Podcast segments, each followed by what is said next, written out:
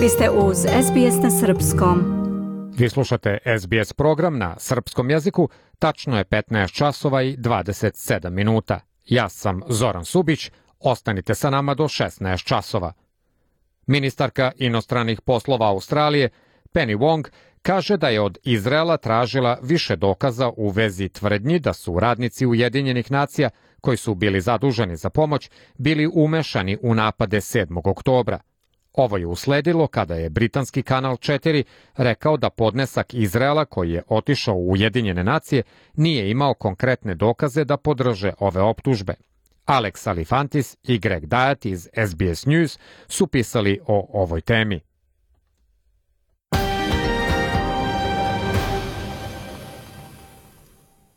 Ministarka inostranih poslova Penny Wong kaže da je tražila od Izraela dodatne dokaze da je osoblje Ujedinjenih nacija za pružanje pomoći bilo umešano u terorističke napade Hamasa 7. oktobra.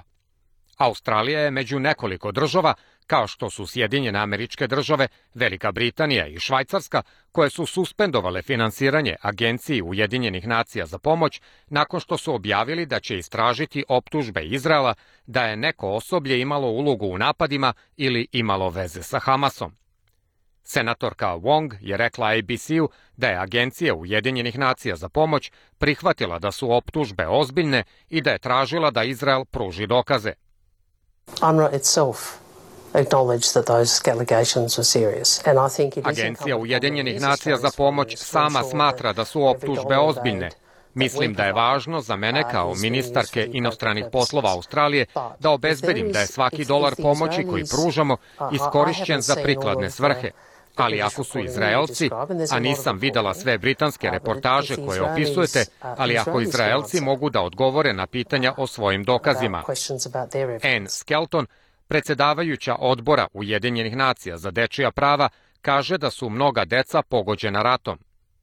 No child should grow up in fear, pain and hunger. Nijedno dete ne treba da odraste u strahu, bolu i gladi, a danas nijedno dete u Gazi nije bez straha, boli i gladi. U stvari, smatrali bi ih srećnim ako uspeju da prežive rat i imaju šansu da odrastu. Po poslednjim ciframa Ujedinjenih nacija, 27.585 palestinaca je ubijeno od 7. oktobra prošle godine. Procenjuje se da je više od 7.000 pod ruševinama, što podiže ukupan broj žrtava na više od 100.000. I kao što svi znamo, mnogi od njih su deca. And as we all know, many of them are children. Smanjenje finansiranja Agenciji Ujedinjenih nacija za pomoć je otežalo njihovu mogućnost da pruže obavezne usluge palestinskim izbeglicama. Organizacija se suočava sa finansijskom krizom i naterana je na smanjenje osoblja i usluga i time kompromituje dobrostanje onih koji pokušavaju da izbegnu konflikt. Po objavi na društvenim medijima na platformi X, a koju je objavio predsednik organizacije Ujedinjenih nacija za pomoć, Filipe Lazarini, suspenzija finansiranja je dovela do oko 300.000 ljudi na granicu gladovanja. Direktor komunikacija Organizacije za pomoć Ujedinjenih nacija, Juliet Tuma, kaže da je suspenzija finansiranja u visini od pola budžeta agencije i rekla je kanalu 4 da će možda biti naterani da donesu neke teške odluke. We're likely to be forced to suspend our operations by end of February. Verovatno je da ćemo biti naterani da suspendujemo naše operacije do kraja februara i početkom marta, ako se finansiranje ne nastavi. Novina kanala 4. Šta to znači u praktičnom smislu? Jer je, kako kažete, operacija organizacije Ujedinjenih nacija za pomoć toliko raširena, da li to znači školovanje, sav rad agencije će prestati? I Juliet Tuma odgovara, bit ćemo naterani da donesemo neke teške odluke, a koje humanitarni radnici ne bi trebali da su naterani da naprave. Anne Skelton iz odbora Ujedinjenih nacija za dečija prava je pozvala nacije da nastave sa finansiranjem kako bi humanitarna pomoć mogla da stigne do hiljade dece koja pate u Gazi.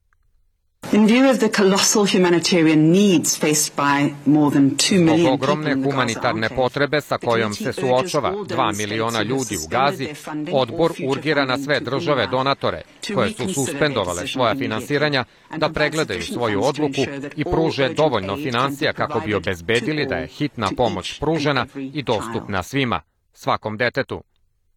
Ujedinjene nacije kažu da nastavljaju svoju istragu nakon informacija koje su dobili od Izraela.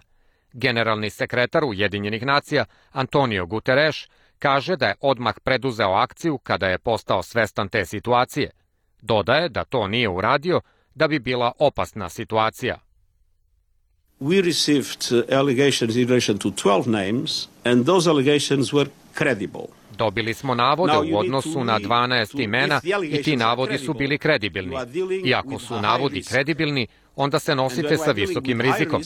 I kada se nosimo sa visokim rizikom i imate prava i propise koji vam dozvoljavaju da to uradite, verujem da trebate da uradite ono što sam ja uradio, a to je da odmah prekinete ugovore koji su bazirani na takozvanim najboljim interesima organizacije, a to je ono što mi prava i propisi dozvoljavaju da uradim.